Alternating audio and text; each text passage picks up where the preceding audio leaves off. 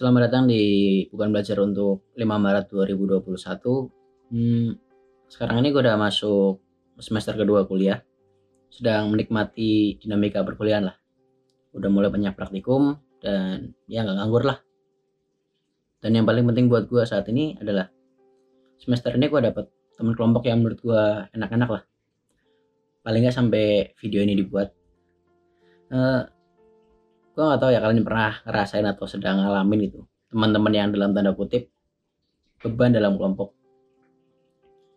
Gue gak tahu pengalaman kalian sama mereka kayak gimana tapi kalau gue pribadi paling sebel sama kebanyakan orang yang ngeklaim diri mereka itu bisanya mikir kalau malam hari. Karena kebanyakan yang gue temuin sebenarnya cuma tipikal orang yang nggak akan kerja aja. Mereka itu cuma cari-cari alasan untuk nunda pekerjaan yang ujung-ujungnya tanggung jawab mereka itu diselesain sama orang lain. Kalian pasti pernah lah nemu orang yang ributnya hamin dua, hamin satu di grup, terus PC atau jabri ke kalian, nanya cara kerjanya gimana, dan ketika udah dikasih tahu, tetap aja nggak bisa ngerjainnya gitu. Dan pada akhirnya nanti tugasnya itu kalian yang ngerjain.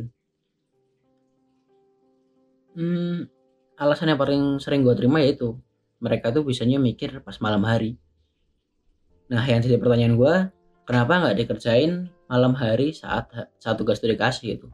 Semisal hari Senin pagi di, tugasnya dikasih, Senin malam langsung dikerjain. Kalau belum bisa lanjut Selasa, kalau belum bisa lanjut Rabu dan seterusnya.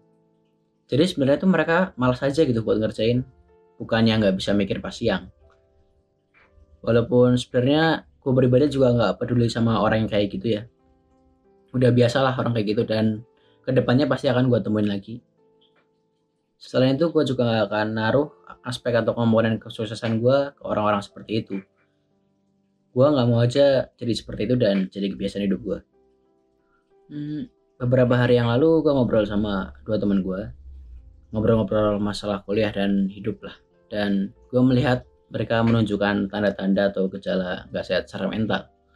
Tugas banyak, jenuh di rumah, dan yang paling parah itu mereka nggak bisa bersosialisasi di luar rumah gue nggak tahu ya kalian dengerin itu ngalamin hal serupa atau enggak. Tapi kalau gue pribadi sebenarnya nggak sampai ke tahap itu sih. Karena gue gak mandang tugas-tugas gue itu sebagai kewajiban kuliah yang harus gue kerjain. Tapi gue pandang tugas gue itu sebagai bentuk pertanggungjawaban ke orang tua yang udah bayar uang kuliah. Karena biaya kuliah itu nggak murah men. Apalagi sekarang harus online kan. Masih harus mikir internet listrik terus kuota untuk jaga-jaga kalau mati lampu. Dan kalian pasti di rumah juga makannya jadi lebih banyak. Jadi dengan pemikiran seperti itu berangkat dari pemikiran seperti itu gue ngerjain tugas secepat mungkin dan gue masih bisa nulis-nulis buat konten kayak gini. Sampai beberapa temen gue tuh nanya e, sebenarnya gue kuliah atau enggak? Masih punya waktu untuk bikin video gitu. Dan kalau mereka lihat tuh gue sering banget main. Gue bisa kayak gini karena emang gue udah nyelesain semua tanggungan gue sebelumnya dan gue senang aja buat konten seperti ini. Uh, nulis ini juga sebagai salah satu cara gue untuk jaga kesehatan mental diri gue sendiri selain baca buku.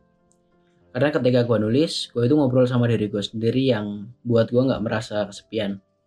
Mungkin kedengarannya aneh ya ngobrol sama diri sendiri. Tapi sebenarnya manusia itu cuma butuh untuk mengungkapkan perasaan dan pemikirannya. Kalau ada yang bisa nanggepin dan ngasih sudut pandang lain itu lebih baik tapi kalau nggak ada yang dengerin ya juga nggak masalah Kayak kalian kalau pernah nonton film atau ngalami langsung perasaan lega ketika kalian bisa teriak sekencang-kencangnya ketika marah. Sama kayak sekarang, daripada gua pendam rasa nggak suka gua sama orang-orang yang beban kayak yang tadi gua bilang, mending gua tulis, terus gua bedah dengan pemikiran yang paling logis menurut gua saat ini, bukan yang ngedumel, nggak jelas, yang ujung-ujungnya cuma bikin gua nggak nyaman dan stres sendiri. Gua tulis, omongin, lupain, selesai jadi waktu yang gue punya itu nggak gue habisin untuk mikirin hal-hal nggak penting kayak gitu. Gue masih bisa pakai untuk hal-hal yang lebih bermanfaat. Sebenarnya juga yang gue lakuin sekarang ini cuma membiasakan diri aja. Membentuk habit karena gue belum bisa menghasilkan dari apa yang gue buat. Sama kayak kebiasaan bangun pagi. Kalau udah biasa nggak ada masalah sama sekali lah untuk bangun pagi. Bahkan mungkin kita bisa bangun lebih dulu daripada alarmnya bunyi. Gampangnya bagi gue ini adalah sebuah investasi yang nggak banyak orang main sekarang.